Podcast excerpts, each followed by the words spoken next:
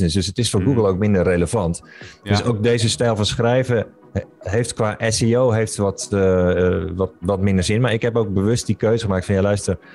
ehm, ik zie toch de, de, het bezoek op die manier, zeg maar, eh, via content wel afnemen. En ik ben zelf zwaar de focus gaan leggen op, eh, op e-mail marketing hiermee. Dit is de Growth Deep Dive podcast. Mijn naam is Jordi Bron, founder van growth hacking agency Red Panda Works. En wekelijks ga ik de diepte in met marketing, sales en business experts om van ze te leren. Dus ontdek razendsnel tips en tricks van de beste specialisten van Nederland. Laten we snel beginnen. Yes, yes, yes. Welkom weer bij de Growth Deep Dive podcast. Ja, een unicum, want voor het eerst in de historie van de Growth Deep Dive podcast heb ik een gast voor de tweede keer. Dus kan ik zeggen, wederom welkom in de show, Aartjan. Goed dat je er weer bent. Thanks voor de grote eer, Jordi. Leuk man. Ja. Ja, we hadden vorige keer nog zoveel te bespreken dat we zeiden, al in de podcast zeiden we dat, hè, van hier moeten we nog maar eens een keer een deel 2 aan wijden. En we hebben ook besloten dat eh, te gaan doen. En het thema is een beetje in het verlengde, maar wel een iets andere draai daaraan. Want ik wil het heel graag met jou hebben over onorthodoxe marketing. Dat zag ik namelijk ook op jouw eh, site staan. En dat heeft namelijk alles te maken met je nieuwe boek. Nummer 1 heet het boek. Klopt. Ja, en, de ondertitel is zo word je de bekendste naam in je markt en krijg je klanten voor het leven. Juist. Nou, Dus dat is daar een gaat goede ondertitel. Nou, inderdaad, daar gaat hij over. Het is een, sprak- een pakkende en sprekende ondertitel. Dus eh, je weet inderdaad meteen waar die over gaat. Maar even een flauwe vraag. Eh, waarom per se de nummer 1 willen worden? Nou, bij mij hoeft dat ook helemaal niet hoor. Dus het, het is niet dat ik vind dat ondernemers eh, de, zouden moeten willen om de nummer één in hun markt te worden met de bekendste, de grootste naamsbekendheid. Als je het prima vindt om in de luwte te opereren of eh, die ambitie niet hebt, nou, dat is toch prima. Ja, Eh, het is alleen zo dat ik, in, ik zie bij veel ondernemers en ook in ieder geval bij de klanten die ik zelf eh, help, dat ze vaak het winnen vinden ze leuk. Dus ze vinden het leuk om ehm, het, het wedstrijdje te winnen, zeg maar. Maar ook, en dat is eigenlijk de reden geweest dat ik dit boek heb geschreven, is dat ze vaak zien ze dat in hun markt een, iemand anders een grotere naamsbekendheid heeft. Dus Ja. die heeft de, de meer klanten, die- die- iedereen kent hem of haar. Maar zij weten, ja, maar die is niet beter dan ik. Ik ben eigenlijk beter, maar die andere, die kent iedereen. En die heeft Ja. eh, die dikke villa en die, die heeft veel meer klanten.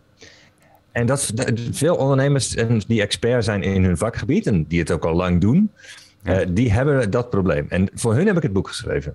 ja. En dan eh, geef jij eigenlijk al aan dat je diegene in die villa, dat die een entertainer is en niet zozeer een teacher. Want zeg jij eh, in de, kleine teaser die ik gelezen heb, eh, de entertainer verdient uiteindelijk meer. Hè? Dus Beyoncé verdient meer dan je Duitse lerares. Ja, dat is zo. Een, een, een teacher verdient minder dan een entertainer. En, en dat weten we ook allemaal wel. En da- daar kunnen we ook wel wat van vinden. Maar ja, als je dat weet, waarom zou je dat dan niet gebruiken in je marketing? Ja, Terwijl veel ondernemers, en daar hebben we het vorige keer ook al eventjes over gehad, die zijn er vooral aan het teachen in hun marketing. Dus die zijn goede tips aan het geven, die zijn informatie aan het geven, die zijn bloedserieus. En het is allemaal eigenlijk best wel saai, net als die Mhm. teachers. ja, En dat, dat, dat doen ze niet bewust. Ze willen niet saai zijn, maar ze denken gewoon dat dat een goede vorm van marketing is. ja. Maar als je kijkt naar wat, wat nu goed werkt, dat is toch ietsje minder het, eh, het, het geven van nog maar weer een keer een artikel met 10 tips om, of zeven manieren om. Ja. Ehm, en wat klanten veel leuker vinden om te ontvangen, dat is wanneer je gaat, eh, in plaats van teachen, eh, gaat teasen. Dus als je Mhm. stopt met teachen en begint met teasen. Klanten vinden dat eigenlijk veel leuker. Eh, en dat, daarmee bedoel ik dus dat je entertainment in je marketing stopt. Dat het gewoon leuk is om te lezen. En dat het niet allemaal zo bloedserieus is en meteen een hele to-do-lijst oplevert. Of eh, hele dichte informatiedichtheid en zo. En, Ja. en nou is het niet, jouw, vro- jouw vraag was van die nummer, als je dan een andere nummer 1 in je markt hebt en jij bent dat niet zelf, komt dat dan doordat diegene meer entertainment in, de, in zijn marketing stopt? Soms, maar meestal heeft het een, een andere reden. Dat kan ook ehm, om andere redenen zijn dat die, dat die bekender is geworden. Bijvoorbeeld omdat ze een aandeelhouder hebben en miljoenen in hun marketing kunnen stoppen. Mhm. Dat kan een reden zijn. Maar in ieder geval, als jij. Ik, ik focus me niet op die, die pannenkoek die nu de nummer 1 is in de markt. Nee, ik focus Mhm. me op die nummer 1 die, die eigenlijk zou moeten zijn, hè? die, eh, die Ja. veel beter is. ja. Dat vind ik de leukste ondernemers. En wat, kijk, wat zij kunnen doen, als je een expert bent in je vak, je bent er echt goed in. En mensen, niet alleen jij vindt dat, maar anderen vinden dat ook. En je, je doet het al een tijd. Dan kun je um, in je marketing, raad ik ondernemers in dit boek aan om niet weer al die tips te gaan geven, maar om te gaan entertainen en op die manier klanten aan te trekken. En dat ook, dat is dat onorthodoxe, op zo'n manier te doen dat mensen eigenlijk geen zin meer hebben in jouw concurrenten, die allemaal op de traditionele manier marketing aan het doen zijn, die in een kringetje staan en naar elkaar kijken en allemaal elkaar kopiëren. Eh, mhm. maar ja, jij pakt het gewoon op een veel originelere manier aan, die mensen echt leuk vinden. Heb je daar een concreet voorbeeld van? Wat is nou echt een entertainende manier? Want ik moet zeggen, ik voel me een beetje aangesproken. Wij zijn ook een beetje, ja, ik durf wel te zeggen, serieus eigenlijk. Uh, en omdat ik gewoon ook dacht, ja, dit is gewoon de manier moeten laten zien dat we verstand van hebben. Er zit te weinig fun in bij ons. Maar hoe zou ik dat wel kunnen doen? Nou ja, weet je, dat heeft ook heel lang heel goed gewerkt. Zeker het afgelopen tien jaar, zeg maar, zeker een, een, jaar of tien geleden, als je dan je kennis ging delen op internet en ging gewoon goede tips op internet zetten. Ja, toen waren er nog niet zoveel pagina's als nu en nog niet zoveel mensen die dat aan het doen waren als nu. En toen werkte dat nog wel. Toen kon je nog aardig wat retweets op Twitter krijgen en wat, uh, wat uh, views in uh, gewoon traffic via Google. Gewoon organisch door goede tips te delen. Nou ja, jij weet ook, het is nu om bereik te krijgen op de socials met goede tipsartikelen. En om views te krijgen bijvoorbeeld op YouTube met, met dat soort video's. Mm is gewoon echt verrotte lastig geworden. Ja. En dat komt doordat iedereen dat. Het aantal posts en video's en zo is, is gewoon zo groot. Dat het eh, niet meer in verhouding staat tot het aantal gebruikers. En daardoor wordt de spoeling op je timeline wordt gewoon dun. Dus jouw content wordt gewoon op die timelines veel minder getoond. Ook al is het nog zulke goede content, ook al zijn het nog zulke goede tips. En ik noem dat de informatieinflatie. Ja. We zijn allemaal bezig geweest. Mensen die slim met internet bezig waren, die zijn bezig geweest om hun kennis te delen. Alleen ja. het is nu 2022 en het, het werkt niet zo goed meer om daar nog traffic mee te krijgen en om daar veel views op te krijgen. Dus vandaar, uh, mijn, uh, ik heb zelf de switch gemaakt een paar jaar geleden om daar helemaal mee te stoppen. Ik kon dat ook niet meer opbrengen. Ik was zelf ook al jaren bezig op schrijven voor internet.nl om tips te geven. Mm -hmm. En op een gegeven moment was het gewoon op. Ik was gewoon ja. uitgetipt, weet je. Ik, had, ja, wist niet wat ik moest zeggen. Het, ik had allemaal alles al wel een beetje, een beetje gezegd. Uh -huh. En ik merkte ook, ja, ik, heb nu, ik had toen een hele grote mailinglijst, inmiddels 34.000 e-mailadressen. En 2,6% van die mensen die, die kochten, die hadden wel eens iets bij mij gekocht. Hm. Met andere woorden, meer dan 97% van mijn mailinglijst, dat waren geen kopers. Ja. Dus dat waren alleen maar mensen die daar hun hand op hielden en mijn tips, weet je wel. Dus ik maakte de hele, de lekkerste tips en die, die gaf ik ze dan met een beetje poedersuiker erop op een servetje. En, dan, en zij, zij fraten dat dan snel op en daarna uh, lieten ze een boer en flikkerden ze dat servetje op de grond en waren ze weer weg. En ze werden nooit klant. Weet je, zo ging dat bij mij.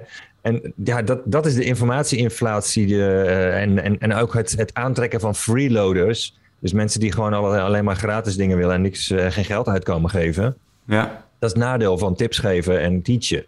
Ja. Dus vandaar dat ik ondernemers in dit boek aanraad. Joh, ga maar stop met teachen en, ga, en begin met teasen. Ja. Uh, en je vroeg naar een voorbeeld. Nou, als je een. Uh, ik zou een voorbeeld geven van bijvoorbeeld een um, mail die ik vandaag geschreven heb. Ik ben nu aan het promoten voor een, een, een, een van de afleveringen van mijn membership, het lab. En daarin leg ik aan de ondernemers uit hoe ze hun in hun business van de, de doener de maker kunnen worden. Met andere woorden, uh, dat je stopt met het uitvoeren van je dienst, maar dat je content gaat maken die uitlegt hoe je jouw dienst uitvoert. Als je bijvoorbeeld een, uh, een, aantal verschillende vestigingen van een, nou noem eens wat, een, een, een fysiotherapiepraktijk hebt, hebt neergezet.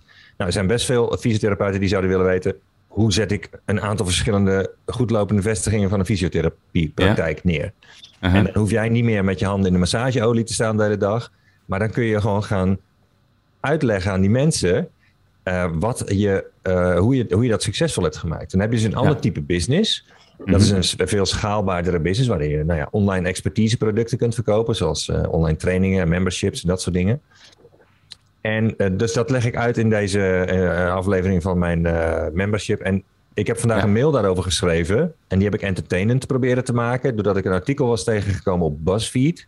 En daar ehm, eh, deden ze een quizje. En daarna zeiden ze van... Dit, we, hebben, we hebben vijf gerechten, vijf absurde hipster gerechten. Ehm, en je mag raden of dit een echt gerecht is dat op een, op een ehm, eh, menu van een restaurant heeft gestaan. Of dat wij dit uit eh, onze dikke duim hebben gezogen. Ja, ja, ja.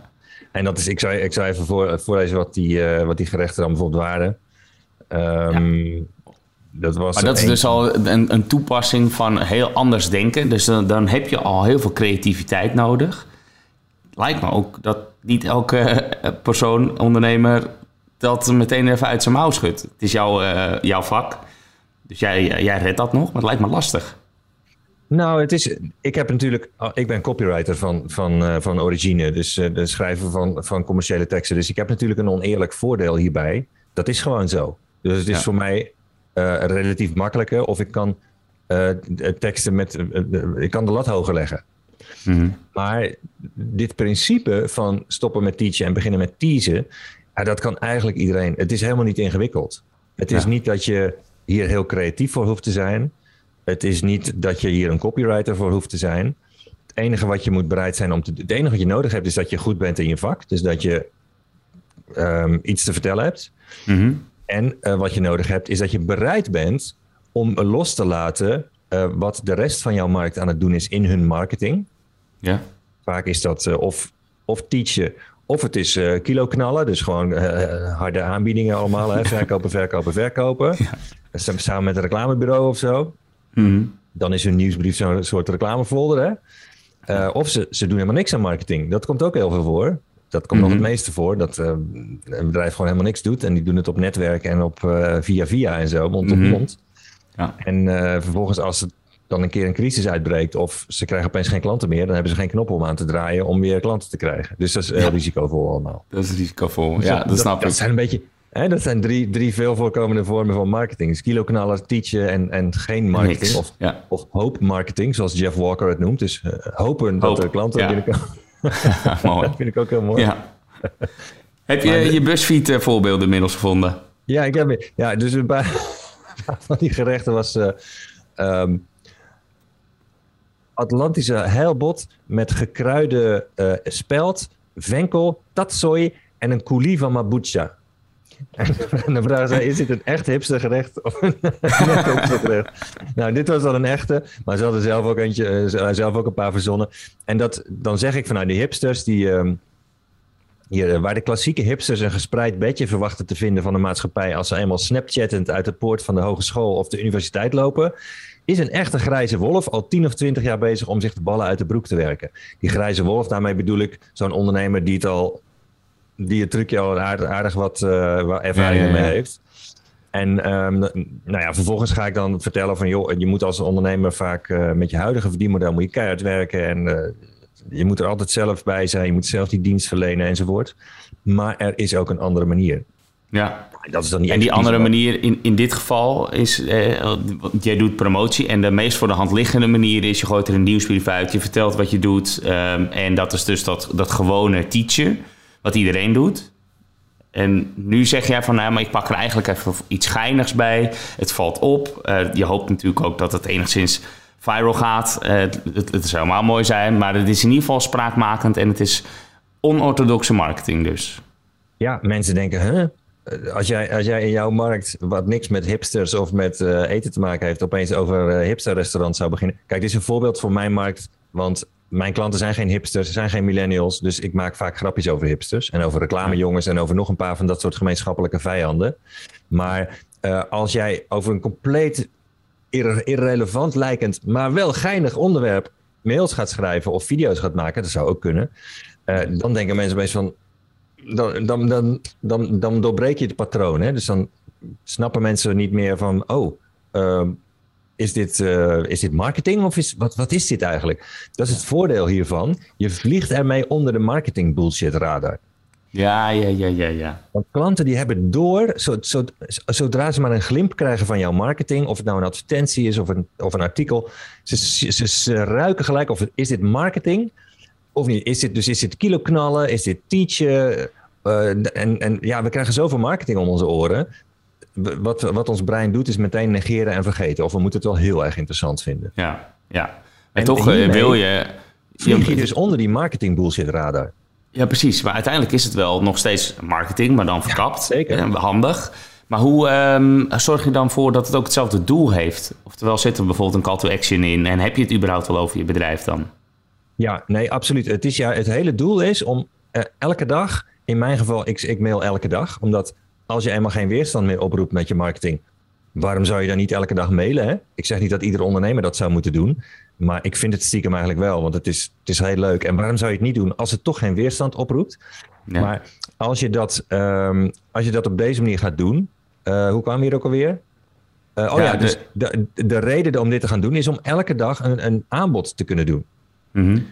Dat is de, de, de, het, het grote het lastige wat ondernemers vinden met e-mailmarketing is, ja, ik wil mijn klanten niet lastigvallen, dus ik kan niet te vaak mailen. Dat, ja. dat is waar heel veel ondernemers in zitten. Ja. En dat probleem ben je helemaal kwijt als je het op deze manier gaat doen. Want de klanten vinden het gewoon leuk, leuk om je mail te krijgen. Ja, maar hoe maak je dan toch de twist van een niet bestaand uh, recept uh, naar uiteindelijk uh, ja, die Ficho in jouw voorbeeld? Dus ja, de, dat, dat je wil een commerciële boodschap in, in verpakken. Ja, je, hebt, je sluit uiteindelijk af met, met een aanbod. Je wilt ze iets verkopen of je wilt ze een volgende ja, okay. stap laten zetten. Bijvoorbeeld naar een intakegesprek met jou of een whitepaper downloaden of een e-, eerste behandeling boeken of uh, langskomen in de vestiging of wat het ook maar is. Hè. Je wilt dat ze wat gaan doen. Dus er is altijd een conversiedoel. Elke mail. Dus iedere mail is, is gewoon een commerciële mail. Het is knettertje commercieel. Alleen het ziet er niet zo uit. Ja. Dus je begint, je vertelt gewoon een leuk verhaaltje. En dan komt het. Wat je dan nodig hebt, is een bruggetje van het, het uh, gestoorde verhaaltje naar datgene wat je wilde aanbieden. Mm -hmm. En dat, het bruggetje, dat is eigenlijk het geheim. Ik leg het, ja. uitgebreide, ik leg het in mijn boek uitgebreider uit. Maar het bruggetje, dat is eigenlijk... Je zoekt naar een gemeenschappelijk element... tussen jouw verhaaltje en jouw business. Ja. En dat, die twee gemeenschappelijke elementen... daar kun je dan een bruggetje over leggen. En dan kun je ja. over dat bruggetje lopen. En dat komt dan heel natuurlijk over. En dat ja. is heel... Ik zal zo een voorbeeld geven. Dus, en dit is heel grappig, want... ik net een vraag. Dankzij dat bruggetje kun je dus eigenlijk over bijna alles wel mail schrijven. Uh, zonder dat het uh, raar is. Want het, je, je, je, laat het er logisch uitzien dankzij dat bruggetje. Dit is een copywriting techniek. Mm -hmm. En door, daardoor heb ik mails geschreven over de kamerplanten in mijn kantoor. De, een auto die te laat voor mij en mijn hondje Lola remde toen we een zebrapad overstaken. Uh, de kikker die bij mij in kantoor in de buurt in een waterpartijtje zit te kwaken uh, s'avonds. Nee, s morgens. Een, uh, de vogels die ik heb gehoord in het bos. Een, nou ja, de, allerlei random onderwerpen waarvan je denkt van... Ja, ja. Maar jij, jij, doet toch iets met copywriting en marketing? Hoezo schrijf je dan over kikkers? Nou, mijn, mijn kantoorkikker, Henk... Die heeft al een aantal keren op, een optreden gehad in mijn mails. En, en mensen vinden het ook altijd leuk als ik over Henk schrijf. Ja. En uh, de, de reden dat je, dat, dat je dus over schijnbaar random onderwerpen kunt schrijven, dat is dat je het bruggetje hebt. Dus het bruggetje is dat gemeenschappelijke element tussen jouw verhaaltje en, nou, en jouw business. En om even naar dat voorbeeld terug te gaan van die hipstergerechten. Ja. Uh, het gemeenschappelijke element daar. Dus wat, wat denk je dat het gemeenschappelijke element in, in die. Ik heb net heel kort uitgelegd. Dus waar, waar zit het gemeenschappelijke element uh, volgens jou?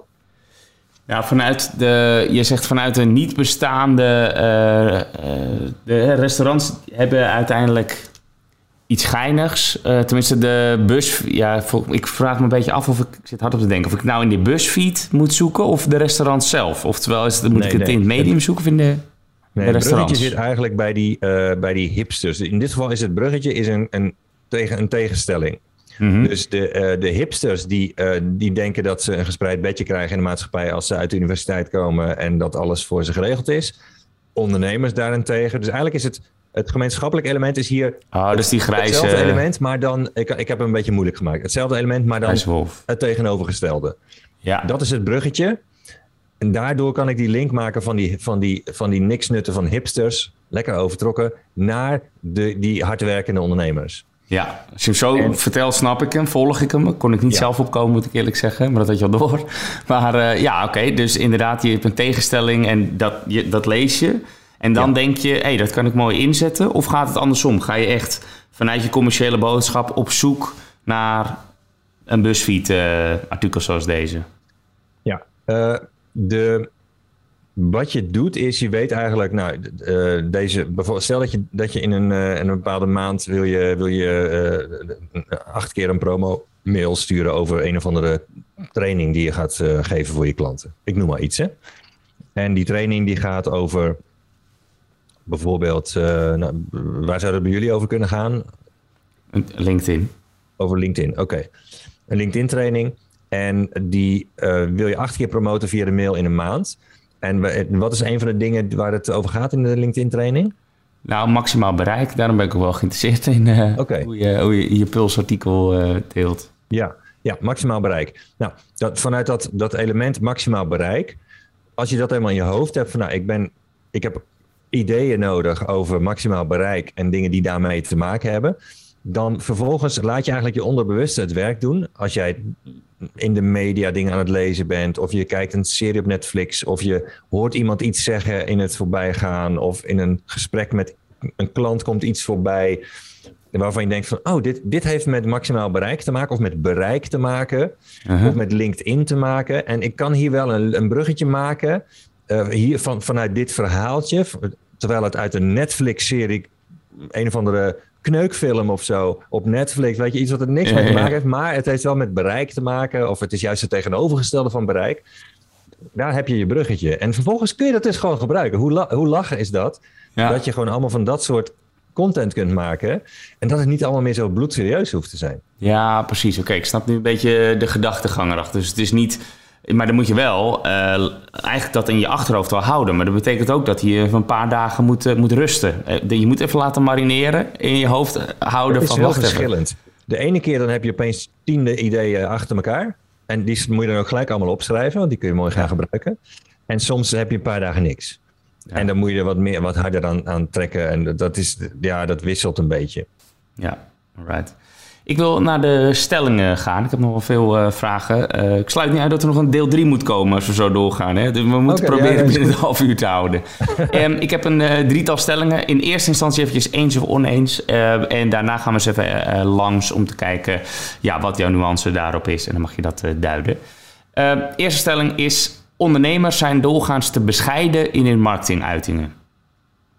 Eens als je een boek schrijft, dan moet je eigenlijk al een plan hebben om ook een tweede boek te schrijven. Eens.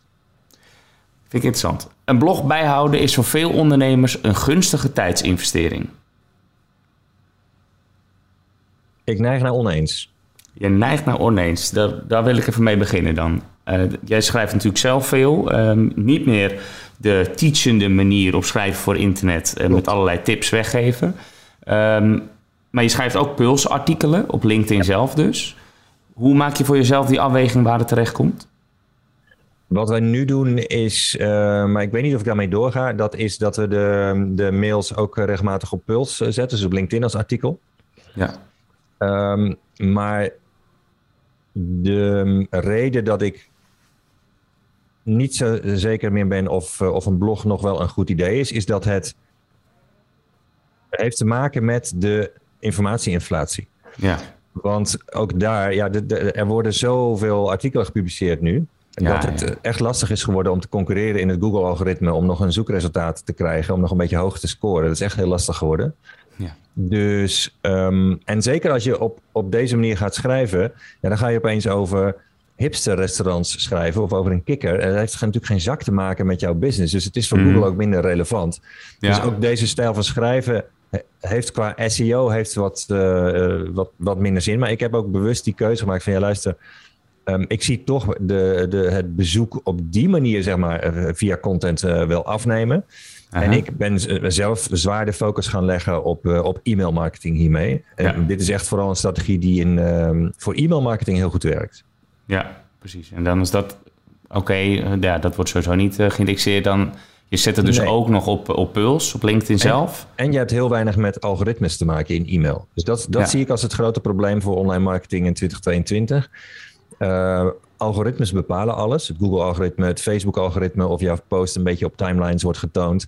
En, en het wordt gewoon, dat wordt steeds lastiger. Dat, dat, is niet, dat, doen ze, dat doet Google en Facebook niet expres, maar ook een beetje wel. Want zij moeten gewoon zorgen dat alleen de meest relevante content op jouw timeline terechtkomt. Want er zijn gewoon Mhm. zoveel updates daar. Eh, dus dat, die wedstrijd is gewoon heel moeilijk nog om te winnen.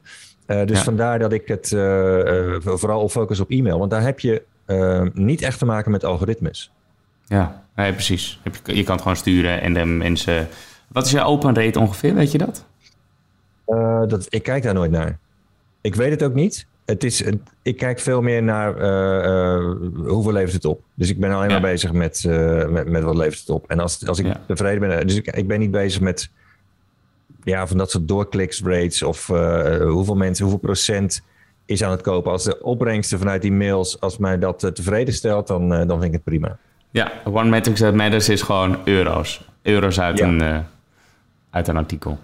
Even kijken, de andere stellingen zei eh eens, ondernemers zijn doorgaans te bescheiden in marketinguitingen. Dus meer, hè, de, ze mogen wel wat gewaagdere marketinguitingen doen. Moet ik hem zo interpreteren? Ja, ja, ze zijn bescheiden. Dat heeft er ook mee te maken dat ze... Niet dat het nou maar van die, eh, van die kleine bruine eh, vogeltjes zijn... maar ze zijn vaak... Ze hebben vaak niet zo heel veel met autoriteit. Dat is ook wel een, een- grote reden om ondernemer te worden. Ja. Eh, maar daardoor vinden, heb ik gemerkt... veel ondernemers het ook niet zo leuk om over zichzelf te vertellen hoe goed ze zijn. Mhm. Dat, ga- dat is een beetje het gedrag van een autoriteit. En ja, dat, vindt niet, dat vindt niet iedere ondernemer leuk. Het is wel heel belangrijk om te doen. Ja. Dus als je, wat hierbij hoort, dus bij die beweging van waar je nu staat naar de nummer 1 in je markt, dat is wel dat je echt laat eh, weten eh, wat je voor resultaten hebt, wat je klanten voor resultaten hebben, dat je daar gewoon echt vrij uit over vertelt en dat je daar eh, heel trots op, op bent. En daar heb je ook alle reden voor. ja. Dat hoort er wel bij. Dus een beetje zelfverheerlijking hoort hier wel bij. Ook al ben je Mhm. introvert, zoals ik ook ben, en voelt dat misschien niet helemaal gemakkelijk. En dit is een part of the game. Ja. En onder, ja, dat is on- toch zijn ondernemers dus, eh, ja, die zijn nu vaak bescheiden, maar ze zijn vaak ook wel braaf. En dat is iets ook wat ik in, in het boek uitgebreid bespreek. Waarom zijn we nou allemaal zo braaf in Nederland in onze marketing? Dat is echt een Ja. epidemie van braafheid. Het is, Oké. als je ziet wat heel veel, eh, heel veel slogans voor bedrijven, daar zit bijvoorbeeld in ehm, bij je, die bij je past. Ik zat, Oh ja. Ik zat laatst naar een, eh, ik zag een eh, commercial op tv van About You, dat is een kledingwebshop. Die hadden jeans en sneakers die bij je passen. Uh-huh. Dat is typisch Nederlandse marketing. Van, het is zo, eh je wordt er gewoon. helemaal wee van. Het zegt helemaal niks. Mhm. Het is echt middle of the road. Het is super braaf. Ja. En, en toch, het- hele dure tv-campagne, je ziet dat spotje de hele tijd voorbij komen. Waarom? Ja. Weet je, en dat is, dus ze zijn bescheiden, ja, maar ze zijn ook vaak heel braaf. En dat, Ja. dat, ik geef er ook twee redenen voor in het boek waarom, waarom allemaal nou zo braaf zijn. En, dus het is heel begrijpelijk dat we dat zijn. Het heeft met culturele dingen te maken. Maar ehm, niemand zegt dat dat moet. Mhm.